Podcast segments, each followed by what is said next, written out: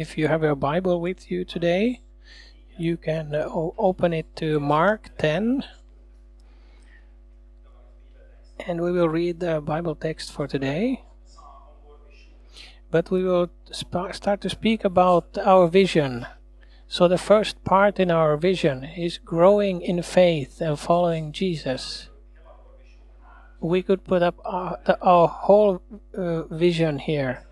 Shall we shall we read this together if it's okay for you? We can read through our whole vision growing in faith and following Jesus, rooted in a welcoming home where you belong, equipping to live and lead with purpose and passion, affirming the worth and potential of each individual, transforming lives and community through God's love.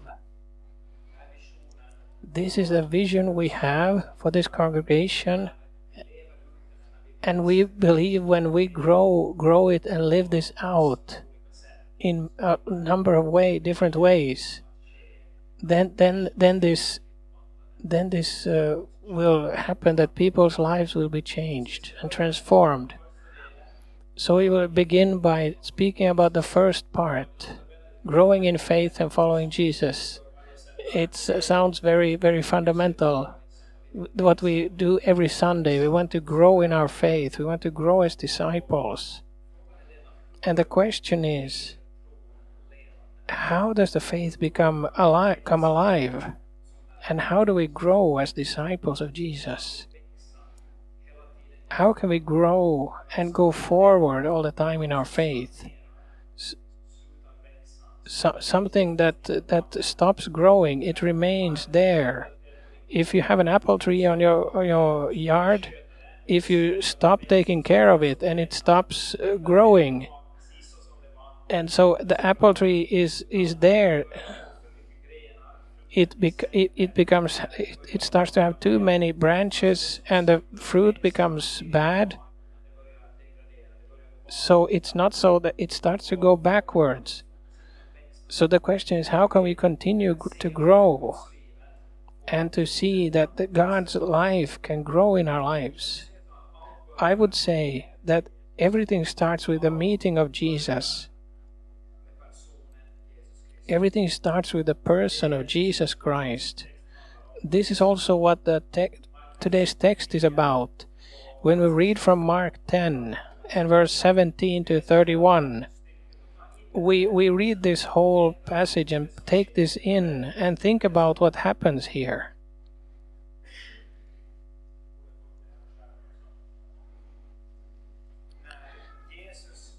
As Jesus started on his way, a man ran up to him and fell on his knees before him. Good teacher, he asked, what must I do to inherit inter- eternal life? Who do you call what why do you call me good? Jesus answered, No one is good except God alone. You know the commandments you shall not murder, you shall not commit adultery, you shall not steal, you shall not give false testimony, you shall not defraud, honor your father and your mother. Teacher, he declared, all these I have kept since I was a boy. Jesus looked at him and loved him. One thing you lack, he said. Go sell everything you have and give to the poor, and you will have treasure in heaven. Come, then come, follow me. At this, the man's face fell. He went away sad because he had great wealth. Jesus looked around and said to his disciples, How hard it, it is for the rich to enter the kingdom of God the disciples were amazed at his words. But Jesus said, but Jesus said again, Children, how hard is it to enter the kingdom of God? It is easier for the camel to go through the eye of a needle than for someone who is rich to enter the kingdom of God. The disciples were even more amazed and said to each other, Who can then be saved? Jesus looked at them and said, With man this is impossible, but not with God all things are possible with God. Then Peter spoke, We have left everything to follow you. Truly I tell you, Jesus replied, no one who has left home or brothers or sisters or mother or father or children or field for me and the gospel will fail to receive a hundred times as much in this present age homes, brothers, sisters, mothers, children, and fields, along with persecutions, and in the age to come eternal life. But many who are first will be last, and the last first.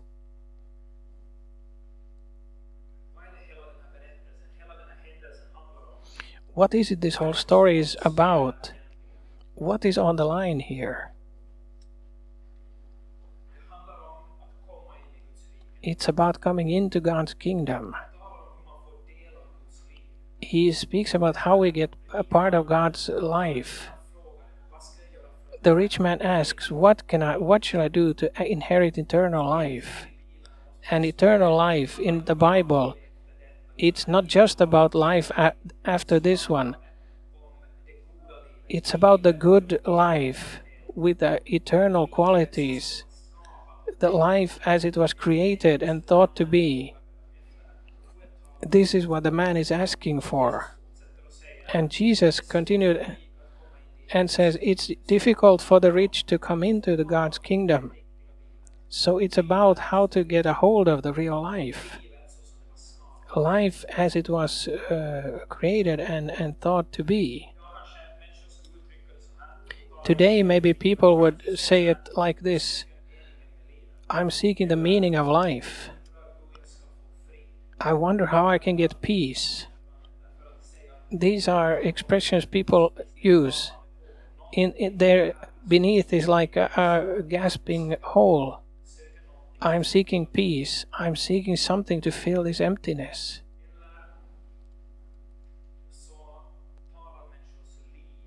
Or then people's lives, talk, and choices. That how can I become better? How can I get freedom? How can I be financially free, as many speak about? or how can you feel good about yourself? There are many expressions in this world. Is is like shouting out the same thing as this man. How can I get a hold of the good life? How can I get a hold of God's life for me? The life with the eternal qualities. This is what Jesus is talking about. It's actually the same thing we are talking about. How can I grow in faith? How can I get a hold of this life with God? How can it overflow in me? He has the same same deep longing for life as many so many people today. And where is this overflowing life? And the first point that we should think about with this man what you fo- what you focus your heart on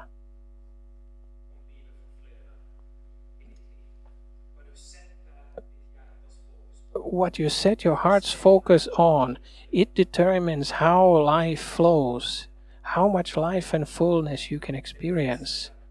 What you what you uh, what you give the first place in your heart to, that that determines how your life looks. This man's problem was in his heart. He wants to get a hold of life, but but he is uh, focused on on outer outward things. It's not only that he should sell everything. He has this picture uh, that I have fulfilled the law. I have honored my father and mother. I've never steal. I, I all the law, everything you mentioned, Jesus. I've I've kept this. So his heart is focused on two things. One is religion his re- religion in, in religion to live as as as right as he can. He has many uh, good deeds to show up according to himself, according to religion. And the second is wealth. He was very wealthy and his wealth was very important to him. It wasn't important if he had inherited it or, or if he had worked hard to get it, but it had the first place in his heart. There were two things that his heart was uh, uh, fond more than but but do you notice his passion? But notice his his longing. He runs up to jesus. It's not every people it's not all people in the bible who do that. And he falls on his knees before him.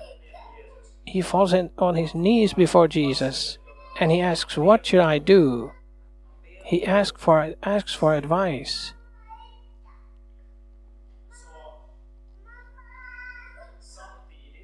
so at the same time he shows such a passion when when Jesus asks him, "Give to the poor of what he uh, owns," then the man was not willing to do that. If we look at the same story in Matthew, that Jesus also uh, counts among uh, that you shall love your your neighbor as yourself. So probably Jesus said that too uh, to him also, but at the same, but then but then when Jesus asks him to give up the first place in his heart, he wasn't uh, uh, ready to do that. He, he wasn't ready to, to love his neighbor as himself. He was had a picture that he was good in his deeds, and he also had wealth that he, his heart is, is fond of. So many times we we um, are fond of the out outward uh, things in God's kingdom. And we might think, oh, what how devoted someone is. But the important thing is what's on the inside. Who who has the first place on your in, inside? What what are you actually following deep down in your heart? Because for God, the inside is always the most important. Jesus also says to the Pharisees, you are, you are polishing the outside and you look very nice on the outside but inside you are full of, of, of uncle- uncleanness. First make the inside clean. Right? So jesus is saying what you focus your heart on it it will um, have an influence on the rest so if you focus right in your heart, then things on the outside will also align up with that, right? So in Matthew 6:33 it said seek first the kingdom of God and then you should also in, uh, get everything else. It's a Jesus is saying it's about a priority. Where is the first place or in your in your life?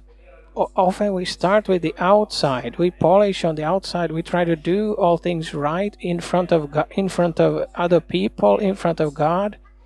We try and polish our outside. But Jesus is saying, start with the inside. Where is your heart's focus? Proverbs 4:23 it says above all else guard your heart for everything you do flows from it. So what you focus your heart on has has the strength to to to influence all your life. So from your heart the streams flow, flow out. If you focus on on on wealth or or material things, then it will influence your choices and how you treat other people and what will be the priorities in your life.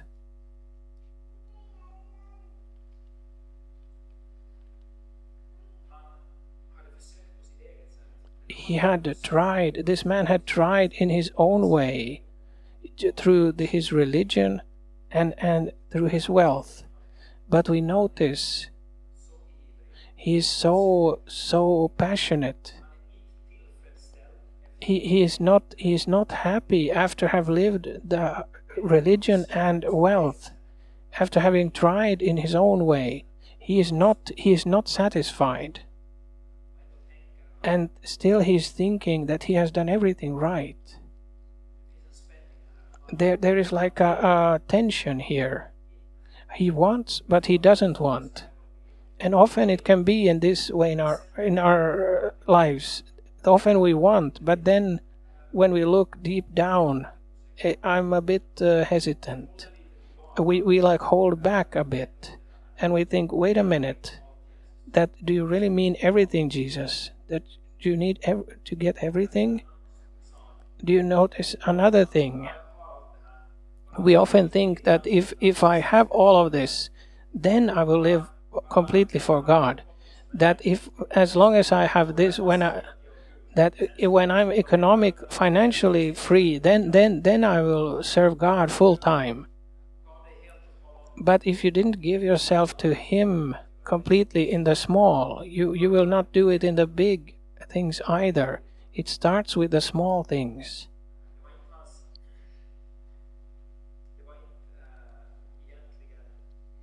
It wasn't actually sin. I mean, I mean, his wealth was in the first place, so so it was a sin in in a sense. But we think many times of uh, I might be sinful, and this might uh, um, hinder me from from living for for God but we can also have an overflow of, of deeds or mat- uh, material things, and we can be very fond of these. It was his wealth, it was strength that hindered him from giving himself completely to Jesus. I have a news for you. Your your uh, sin or your your lack is no problem for God. as uh, someone has said in, in, in that you cannot out sin God's grace. You cannot sin so much as what God's uh, grace is enough for. So your your uh, lack or your sin is not a problem for God, or your strength or any, anything else can can be a hindrance for, for you to give yourself completely to Jesus. The question is if you come with this to Jesus,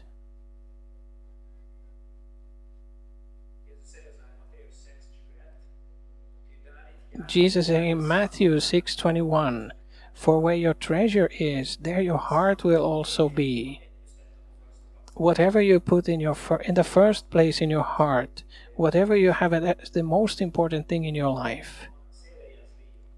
And you can see it in someone's life the question is what do I put put most time on? What do I think about? What is my heart's passion? That is at the first place.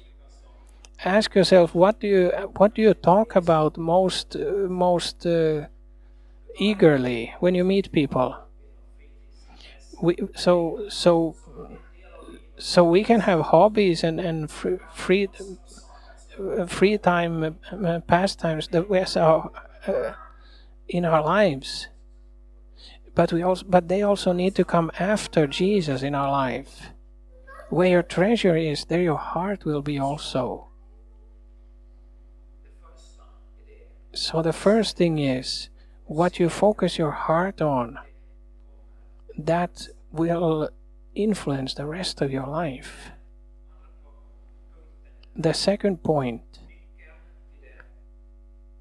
the key to the good life is not religion, not wealth, but a person. The key to the good life is not religion or wealth, but a person, Jesus Christ. The first thing that happens when this man falls down on his knees, do you notice what he says to Jesus? A good master he doesn't know Jesus personally. He had seen Jesus from a distance, and something gets him to say. So, so as many good, as many others say, they say master or teacher. He notices something remarkable with Jesus' life that di- differentiates Jesus from, from the rest and he notices that he is good in a way that he never has met before. and Jesus is not uh, not not uh, cor- actually correcting him, but he said that no one is good except for God. Why does Jesus say like that? Why do you call me good? No one is good except for God. He is saying so because that that uh, in comparison with anything everything else good that you can you can get in this life in comparison to that god is uh, it, like uh, immeasurably more good in in comparison only god is good what does it mean that god is more good than anything you can imagine getting a part of in this life. He is so much more than what we believe of Him. Take anyone you want as an example. Who is the most good person that you know of? That you that you admire the most for their goodness? Maybe it's a maybe it's a friend who is very helpful, or maybe it's a, a celebrity. And Jesus is saying, many are good, many in the in the world are good, but in comparison with God, no one is good. God's goodness and His love and His grace are so much more, are so much bigger in comparison. That in comparison, we can only call one person good, and it's God. And Jesus is saying, You are looking for the eternal life. And Jesus is saying from, from, before he says him any says anything else that understand that good God is good. He is more good than you can ever imagine. That everything you've met so far in your life uh, is nothing compared to His goodness.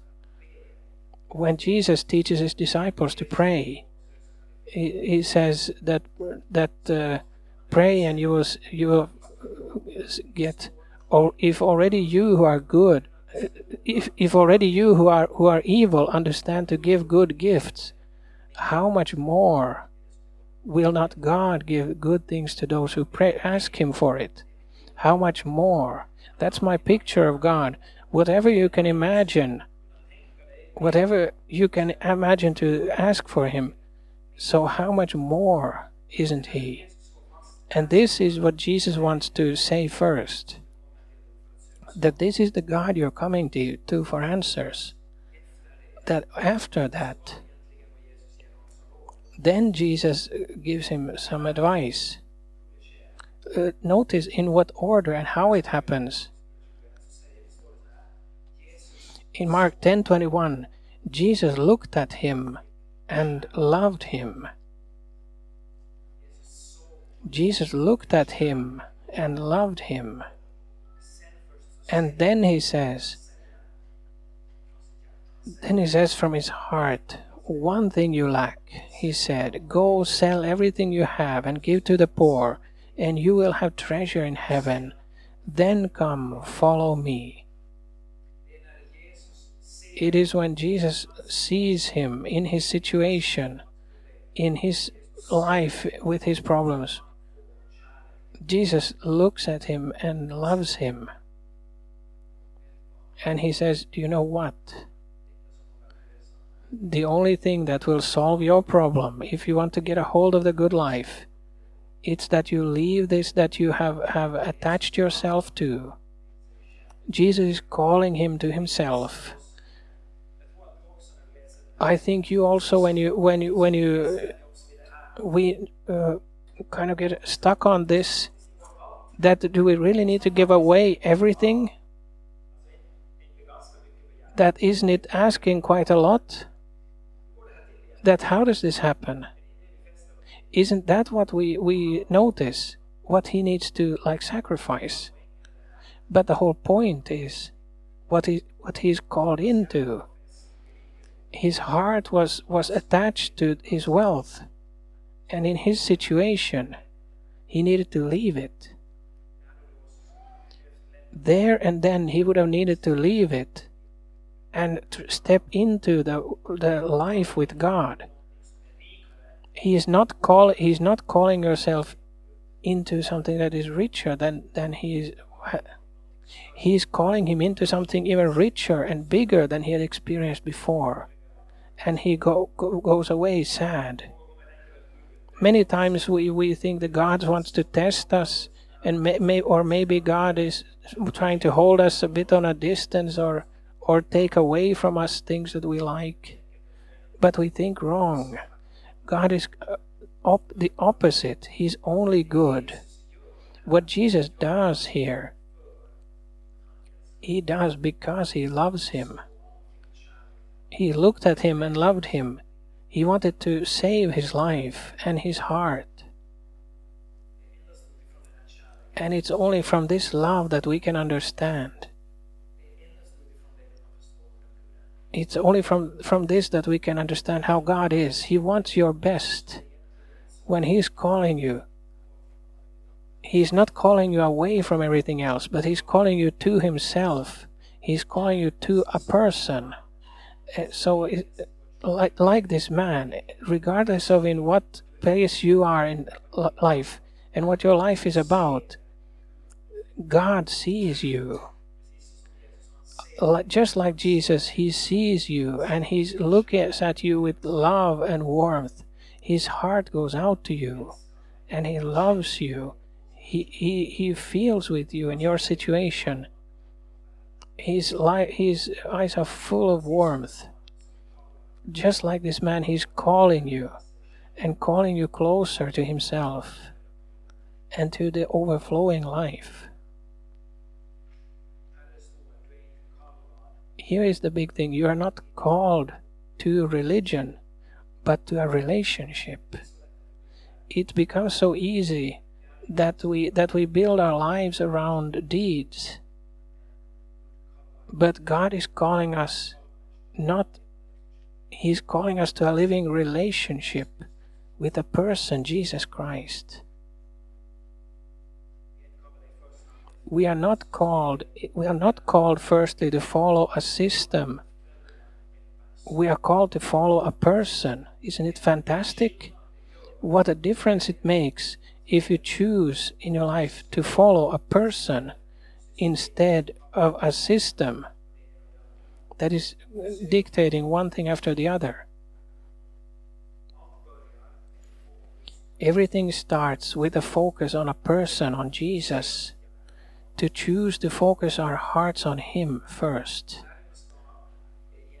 Discipleship is actually to the will the willingness to be one who is learning and wants to learn more and more and to be one who and that that is why the uh, the discipleship starts with a picture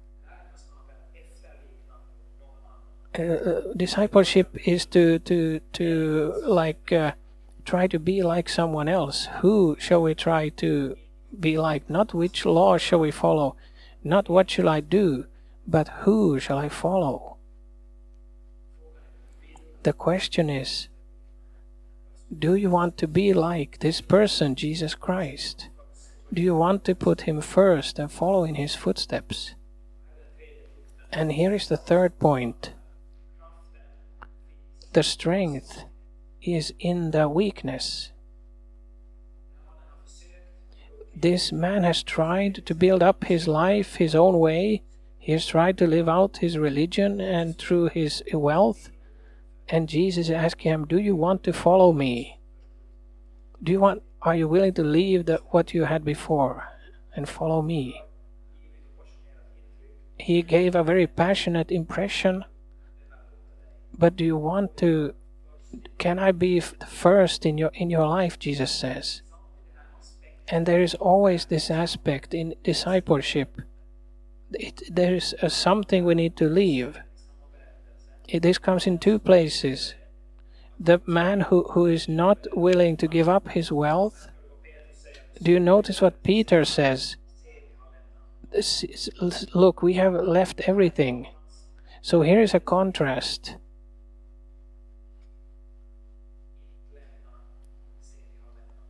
is not to leave and see we have left everything. And you can ask,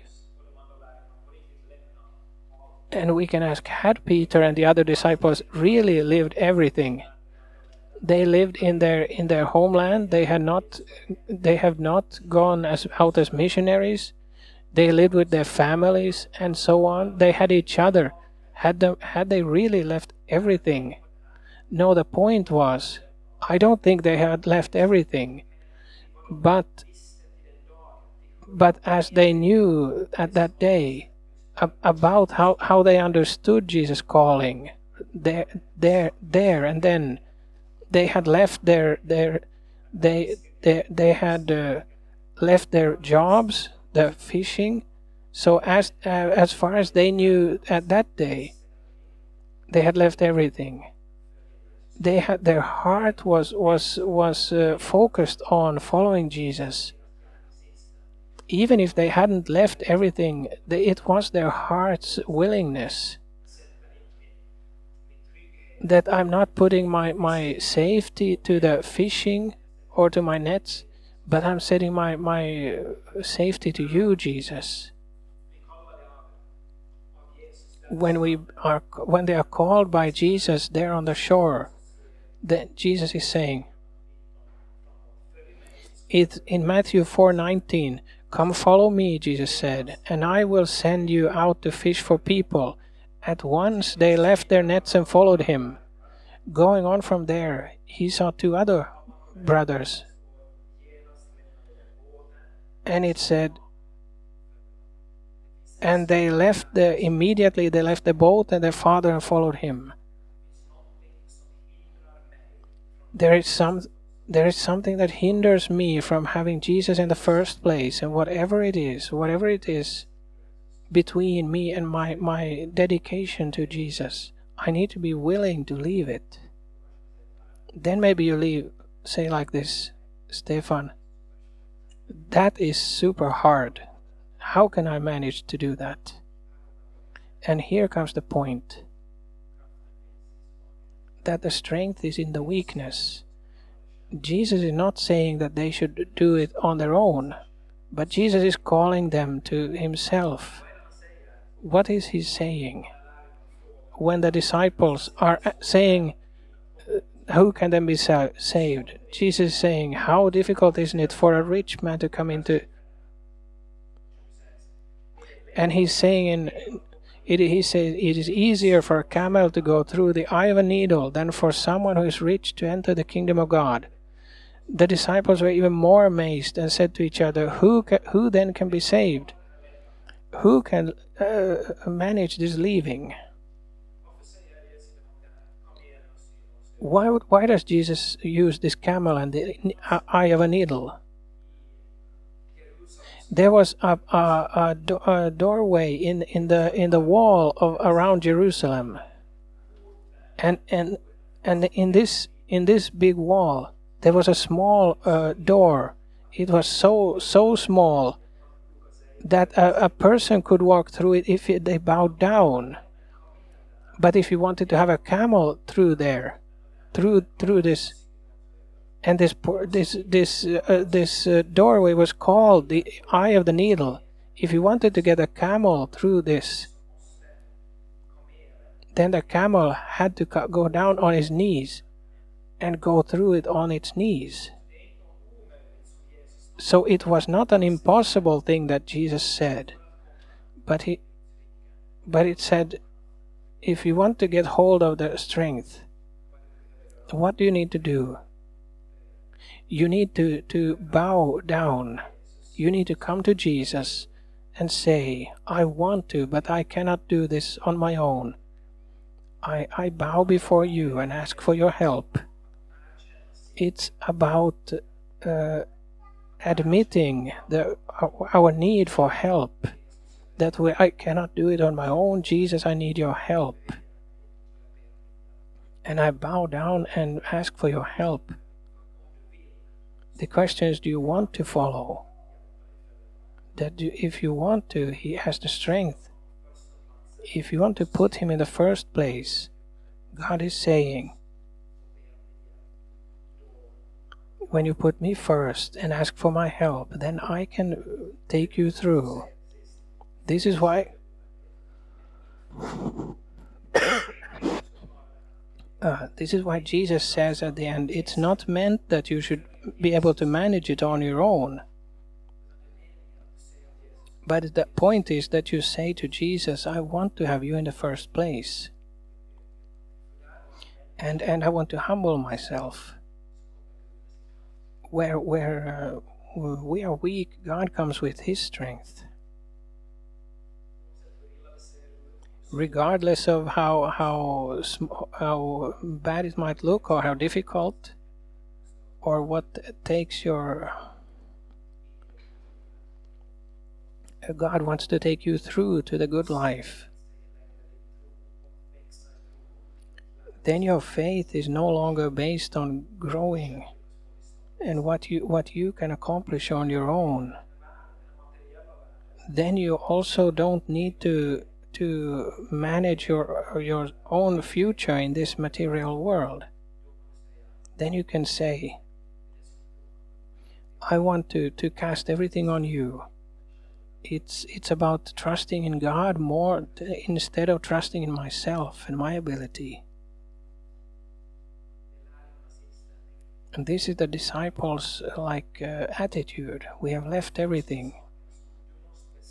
And the first thing that you must decide in your life, if you want to grow in your faith and see His life come forth in you, is do you want to? The the rich man he wanted to, and the disciples they they want to. They, they wanted and they asked God for help you are not called to a religion, but you are called to a person, to a living relationship. And the nice thing with the disciples is that they don't need to be perfect to begin with. And I ask God, come. Maybe to maybe, and sometimes God can point out something else in our lives, and next year, and then we can ask God for strength to keep growing and it becomes a journey instead of something I need to show up or show off. So it becomes like a faith uh, a walk with Jesus. This is where it starts to grow in faith. Do I want to? This is what a question we need to answer in our hearts and say, God, I want to. And then ask Him for the strength. And this is the life I want to live. Shall we pray together? We will do so today. We have a guest from the Ukraine with us. I, so she will play on the bandura. She will play an instrumental piece and we can, during this time, still ourselves and let this word sink in and think that you want to? That do you want to give everything to Jesus and follow Him and trust Him? Shall we pray together?